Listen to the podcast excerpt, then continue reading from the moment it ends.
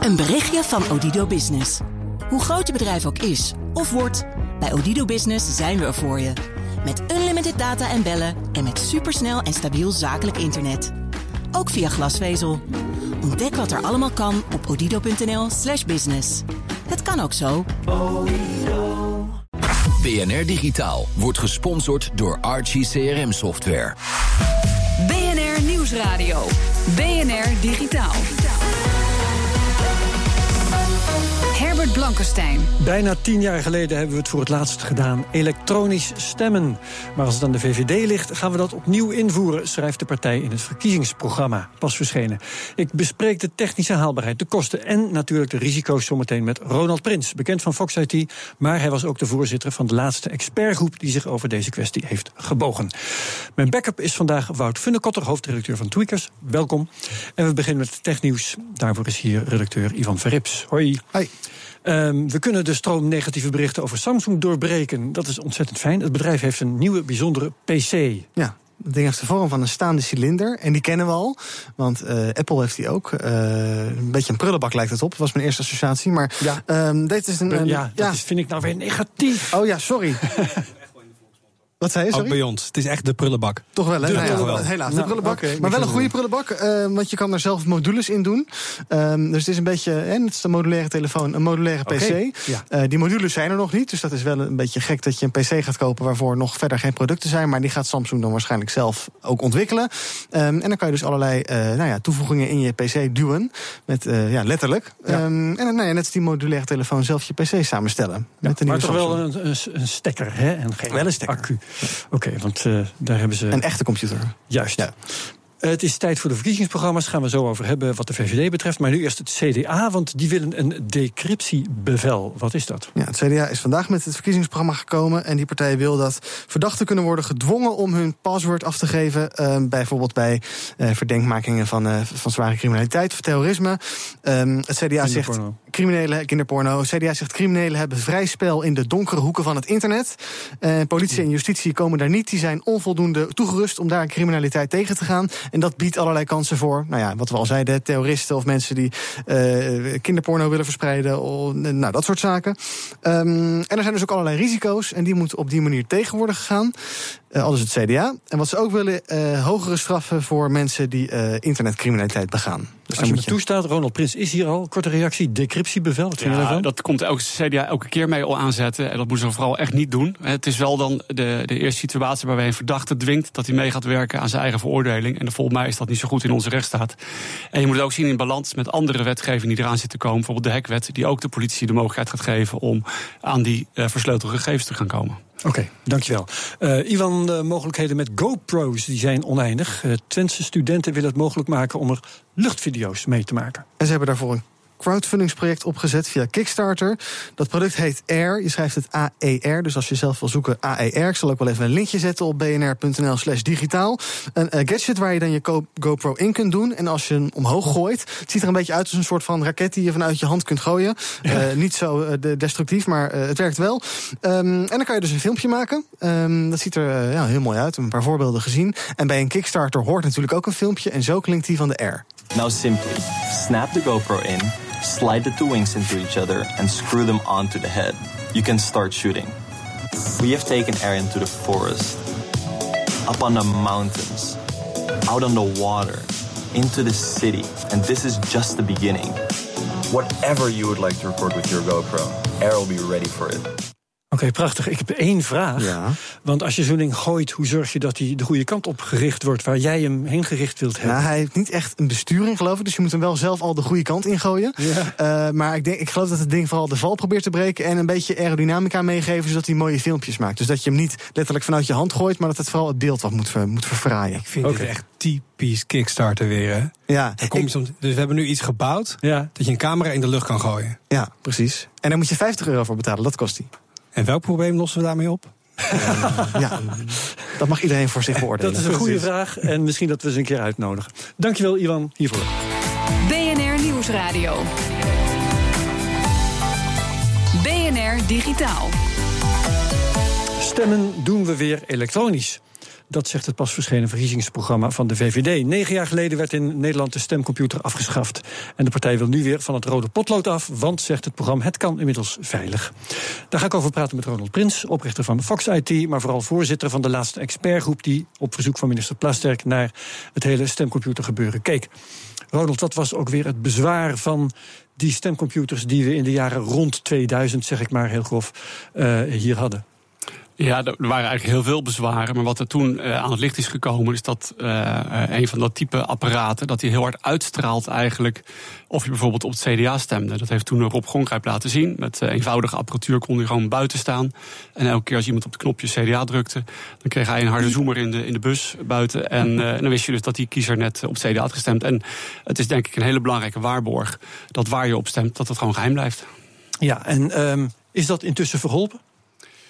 Uh, nou ja, we hebben geen nieuwe apparatuur nu op dit moment. En uh, het kunnen afluisteren de van valt computers. dat te verhelpen is dan eigenlijk de vraag. Nou ja, het valt, ja. het, uiteindelijk valt het best wel te verhelpen. Je ziet het uh, dezelfde probleem zeg maar, in uh, hele bijzondere vercijferingsapparatuur die militairen gebruiken en geheime diensten gebruiken. Die, die hebben ambassades en er een ambassade naast. En dan proberen ze ook af te luisteren wat gebeurt er nou Tuurlijk, ja. bij die ambassade aan de overkant. En dat noemen we dan de Tempest-straling. Uh, beeldschermen afluisteren. Ja, beeldschermen ja. of toetsenborden of, ja. uh, of inderdaad die displaytjes. En dat is heel moeilijk om dat af te schermen. Het kan op zich wel. Maar dat houdt dan ook wel in dat je daar heel veel extra geld voor moet uittrekken. En ook dat je die apparatuur op een hele bijzondere manier moet behandelen onderweg. En met stemcomputers of stemprinters of wat voor variant je ook wil. Ja, daar wordt gewoon mee gesleept. Die staan uh, misschien al jaren in de, in de kelder uh, bij een gemeentehuis. Moeten daarna weer naar boven. En dan komt er maar een klein deukje in zo'n apparaat. Dan is die hele stralingsbescherming uh, alweer kapot. Ja, de mening van de VVD is: het kan nu veilig. Er is meer, zijn meer vormen van veiligheid. Hè? Be bescherming tegen fraude bijvoorbeeld. Als de VVD dit stelt, wat is dan jouw algemene reactie? Ja, het kan wel veilig, maar de vraag is tegen welke prijs. En, ja. en ook, um, en je moet het misschien uiteindelijk afzetten. Die vraag werd net ook gesteld. Welk probleem los je ermee op? Waarom wil je nou per se zo graag elektronisch stemmen? Uh, dat het uh, tellen sneller gaat, zeg ik even uit mijn hoofd, uh, zeggen de voorstanders. En dat gehandicapten er beter mee uit de voeten ja. Ja, of, of nou ja, er zijn meer, meer of, uh, ja, gehandicapten, maar misschien soms ouderen die moeilijk ja. uh, moeite hebben met een potloodje. Uh, nou, daar hebben we allemaal onderzoek naar gedaan. En, en als je dan naar kijkt naar een systeem wat, wat je eventueel zou kunnen gebruiken, dat is een combinatie van een stemmenprinter en een stemmenteller, waarbij nog steeds papier eigenlijk de basis dat is. Dat was het meest verantwoorde systeem dat jullie hebben kunnen ontdekken in een hele Ja, daar blijft papier eigenlijk altijd op de achtergrond aanwezig. En dat is belangrijk bij computers, want dan, als iemand dan twijfels heeft, dan kan je gewoon nog die papiertjes gaan tellen. Ja. Um, maar wat je daarbij ziet, is dat uh, die teller uiteindelijk um, ja, misschien wel net zo lang bezig is als dat je met de hand gaat zitten tellen. Als je, daar, als je het vergelijkt met een ander soort stembiljet. Nee, uh, we hebben nu van die hele grote flappen in Nederland. En dat is dus vrij veel werk uh, in die verkiezingsbureaus om die helemaal uit te klappen s'avonds, op de goede stapel te leggen en dan nog eens te tellen en te kijken waar staat nou precies dat, het, het, welk cirkeltje is nou precies aangevinkt. Dat zou je ook op A4'tjes kunnen doen. En dan hebben test al uitgewezen dat dat tellen. Uh, van een gemiddelde pakket van duizend stemmen uit een bus uh, kan binnen een uur. En ja, dan ja. kom je al een stuk dichterbij dan waarbij we nu vaak zitten, dat we pas s'nachts om drie uur uiteindelijk een uitslag hebben. Ja, dus als ik dan het, het oordeel van die hele estafette van deskundigen, waar jij de laatste van was, uh, samenvat, is je schiet er eigenlijk niks mee op. Het kost wel meer, maar het, wordt niet, het leven wordt niet beter. Het, nee, je haalt een hoop ellende binnen. En, en het aardige is, we hebben ook wel met allerlei burgemeesters gesproken. Die wilden dit heel graag, want die zagen alle ellende elke keer in hun uh, gemeentehuizen plaatsvinden. En die dachten, dit moet dit, niet meer voor deze tijd, dit ja. moet beter kunnen. En op zich begrijp ik dat ook. Uh, als we met hun gingen praten over allerlei, over de ellende die er eigenlijk bij kwam op het moment dat je het wou, zeiden ze nou, weet je, laat maar eigenlijk lekker zitten. We gaan weer gewoon terug. En dat is ook dus nu wat, wat uh, het standpunt is van VNG. Die hebben gezegd, de Vereniging Nederlandse Gemeenten. Um, uh, wij zien die stemprinter eigenlijk helemaal niet zo, ja. zitten. Wout Funnekotter, hoofdredacteur van Tweakers. Uh, jullie, jullie zijn een medium voor nerds. Wat vinden jullie eigenlijk van de stemcomputer, van elektronisch stemmen? Uh, ik, ik, stel eigenlijk dezelfde vraag die, die Ronald stelde, meteen ook zelf beantwoord. Wat win je er uiteindelijk mee? Technologie is heel mooi als je je, je werk er beter mee kan doen, of je, je leven er beter door kan leiden. Nou, je wint dat je iets sneller kan stemmen. Uh, het is misschien wat minder romslom, maar logistiek is makkelijk. Maar aan de andere kant staat er dus tegenover dat um, ja, de, de, de, kans tot fraude, die kan het nog, een computersysteem nog zo goed dichttimmeren. Maar er is altijd weer iemand die er tegenop wil hacken. En als jij uh, met papier wil frauderen, moet je heel veel mensen op heel veel plekken hebben. Terwijl als jij één ja. ingang in zo'n stemcomputer vindt, dan kun je ze allemaal tegelijk pakken. Dus ik zou zeggen dat het risico te groot is. Ja, um, Ronald Prins, de VVD, zegt ook dat expats via internet uh, moeten kunnen stemmen. Wat uh, vinden deskundigen op dit gebied daarvan? Um, nou, er is wel al onderzoek geweest naar het, in het algemeen naar online stemmen, dus via het internet stemmen. En uh, daar heeft uh, VKA, een uh, onderzoeksbureau, een heel goed rapport over geschreven. Van Don Klooster Associates is dat, Precies. Ja. En, um, en daar komt ook heel duidelijk uit van doe dat nou niet. En zodra je op afstand gaat stemmen, introduceer je wel een heel nieuw probleem. Dat is het issue van family voting. In het stemlokaal heb je gewoon zelf de keuze wat je stemt. En uh, ik kan mijn situatie. Heel simpel gezegd, vader uh, ja, kijkt over vader de schouder helpt, mee. vader helpt het hele gezin wel eventjes met. Ja. Nou, ik doe die stemmen wel even voor jullie. En je zit niet meer in je eigen privacy. En je kan misschien ook stemmen verkopen. Dus het op afstand stemmen. Um, is aanlokkelijk, zeker voor mensen in het buitenland. Maar ook, uh, je hoort ook die geluiden van... kunnen we niet gewoon via een appje stemmen? Want dan halen we de jeugd, of de jeugdigen in ieder geval... weer wat uh, meer bij het politieke proces. Die willen niet uh, overdag ergens naar een stemlokaal gaan. Uh, nou, is op zich een motivatie die ik kan volgen. Maar zodra je het, het internet gaat gebruiken voor verkiezingen, ja, dan heb je echt een hele grote ramp uh, over je heen gehaald. En uh, de meest eenvoudige manier om dat te verstoren is gewoon een DDoS-aanval op die dag, waardoor je het verkiezingsproces alsnog verstoort. De, de website die voor de verkiezingen wordt gebruikt, die kun je platleggen. Die kan je uitzetten. En je bent de hele privacy van je stemhokje inderdaad dus gewoon kwijt. Dat is toch best wel een elementair begrip van net stemmen. Het gordijntje gedicht, dan mag ja. jij bepalen. Dan hoeft niemand te weten wat je doet. Ja. ja, ga ik even advocaat van de duivel spelen. Uh, men zegt dan, uh, er kunnen ook cameraatjes geïnstalleerd zijn in dat stemhokje. Dat uh, probleem heb je thuis in elk geval niet. Nee, maar ik vind wat Ronald zegt over de family voting... dat vind ik echt wel een hele belangrijke. Je weet niet of iemand gedwongen wordt om ergens op te klikken... of dat hij ja, be be beïnvloed wordt. Ja. Uh, dat is allemaal opeens een ja, zwart gat geworden. Oké, okay. we zullen het allemaal aan de VVD doorgeven. Ronald Prins, hartelijk dank. Graag gedaan. De mensheid heeft geniale componisten voortgebracht. Dat waren altijd personen. Straks in digitaal een muziekstuk geschreven door... nee, niet door een robot, maar door The Crowd. BNR Nieuwsradio. BNR Digitaal. Mensen maken muziek, computers maken muziek, what's new? Redacteur Ivan Verrips ontdekte een lied dat door The Crowd is gemaakt met computers. Veel populaire liedjes zijn geschreven door meesterbreinen. Bob Dylan, Paul McCartney, John Lennon. Maar dat kunnen wij met z'n allen stukken beter.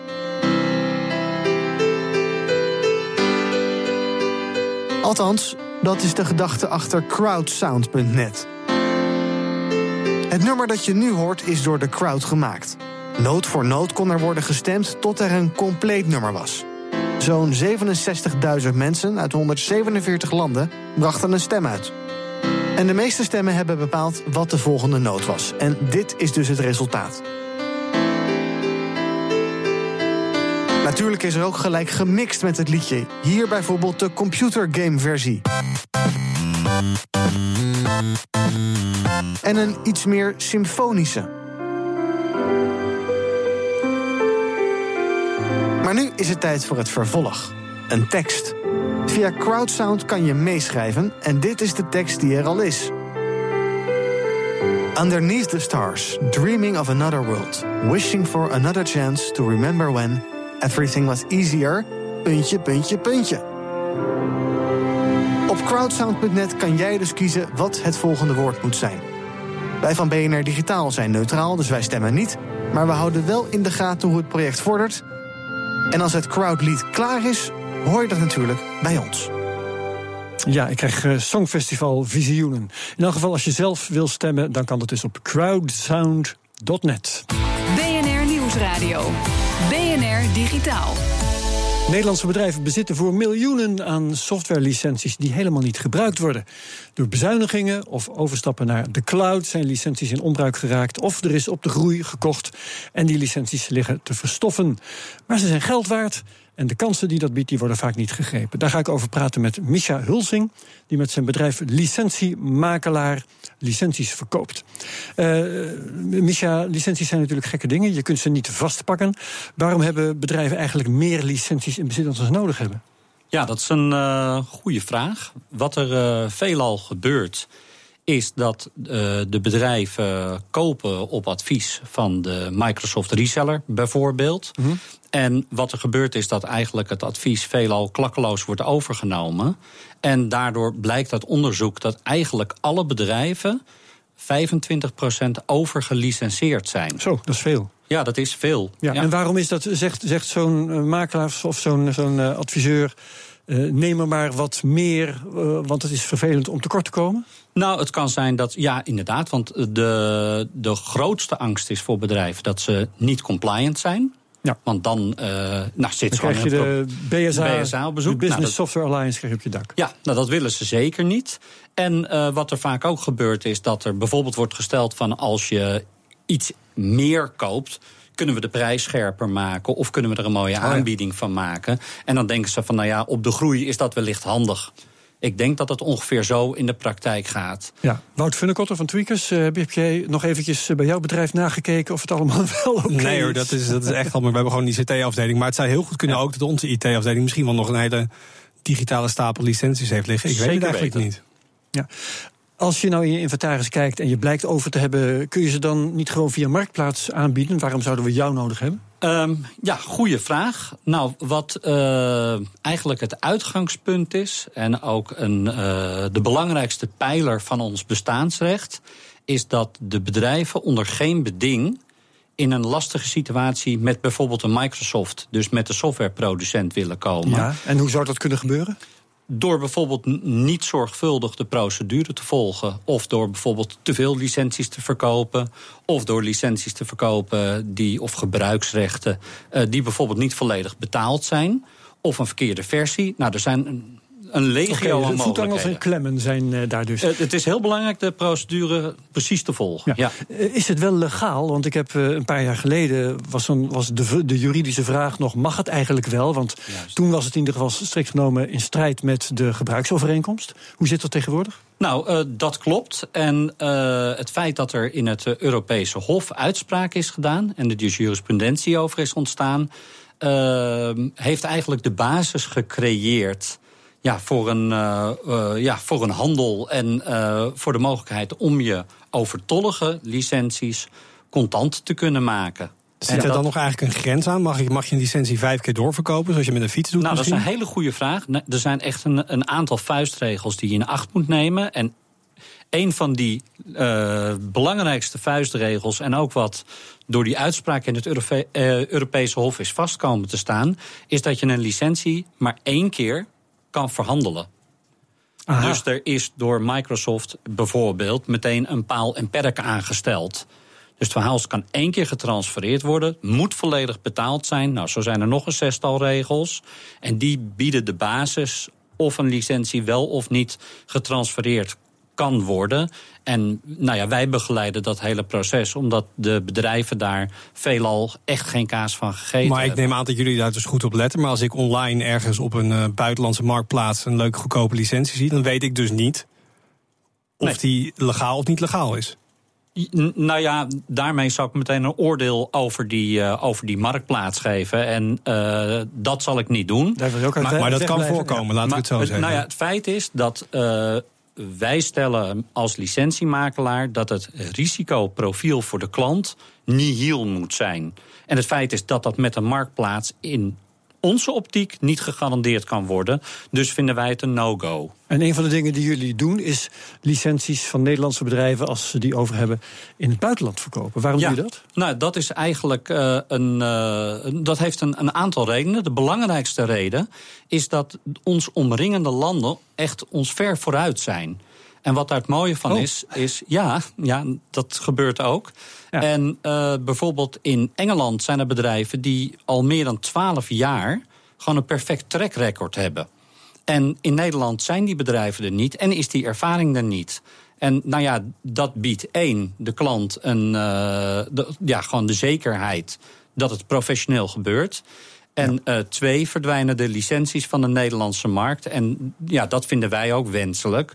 Zodat de licenties van bedrijf A, Nederlands bedrijf A, niet aan Nederlands bedrijf B worden verkocht. Zit er eigenlijk dat nog prijsverschil aan? Kun je zeg maar, goedkope licenties in het buitenland misschien ergens voormalig Oostblok inkopen...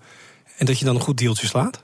Uh, nou ja, wat weer heel belangrijk is, is dat er zijn die vuistregels. En die vuistregels uh, hebben onder andere betrekking op de herkomst van die licenties.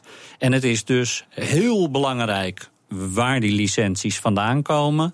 En het is uh, zelfs soms belangrijk wie ze betaald heeft. En dat zijn allemaal, nou ja, het zijn allemaal hele kleine weetjes, maar het zijn er zoveel dat het gewoon een hele gecompliceerde exercitie is. En daar, uh, nou ja, dat is waar onze bemiddeling uit voortkomt. En hoeveel procent goedkoper is een gebruikte licentie dan een nieuwe? Nou ja, dan heb je feitelijk het over het aankopen. Mhm, bij, uh, ja. de, kan ook. Uh, als je uh, gebruikte licenties of overtollige licenties in je bedrijf wil gaan gebruiken, kan je ervan uitgaan dat je gemiddeld tussen de, nou ja, zeg 30, 40 procent kan besparen. En met de, met de bedragen waar het om gaat, is dat aanzienlijk te noemen. Ja, ja, ja. Um, interessante gevallen blijken faillissementen te zijn. Daar hebben we het nu nog niet over gehad. Maar jullie hebben bijvoorbeeld Royal Imtech gedaan. Ja. En daar hebben jullie voor de curatoren een miljoen uitgesleept. Um, uh, is het zo dat dat geld anders gewoon zou blij zijn blijven liggen? Sterker nog, het is al die jaren blijven liggen bij al die faillissementen. En dat is waar wij, waarom wij ons ook echt heel druk maken om uh, de curatoren daarvan op de hoogte uh, te brengen. En uh, ja, als ze het niet weten, en het is een, gewoon het is een nieuwe, een, ja, ja. Een, een, nieuwe vaardigheid. De boodschap is dus eigenlijk: hé hey mensen, let op, want ja. daar ligt gewoon nog een, een bron van geldbraak. Ja, ja, in het geval van Royal Imtech uh, is het uh, meer dan een miljoen euro geweest wat we voor de curatoren hebben kunnen terughalen. En dat is natuurlijk, ja, daar is iedereen bij gebaat. Ja, ja.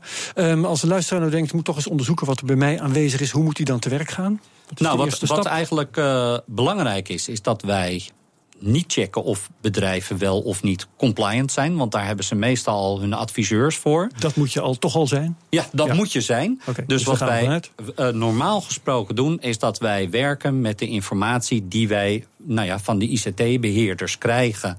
En op basis daarvan uh, gaan we kijken of die licenties in aanmerking komen om verhandeld te worden. Oké, okay, nou, een spannende vraag die uh, elk bedrijf zich dan uh, van nu af aan uh, kan gaan stellen. Bedankt, Micha Hulsing, de licentiemakelaar. En tot zover BNR Digitaal. Voor nu, Wout Funnekotter van Tweakers was mijn backup. Hartelijk dank ook.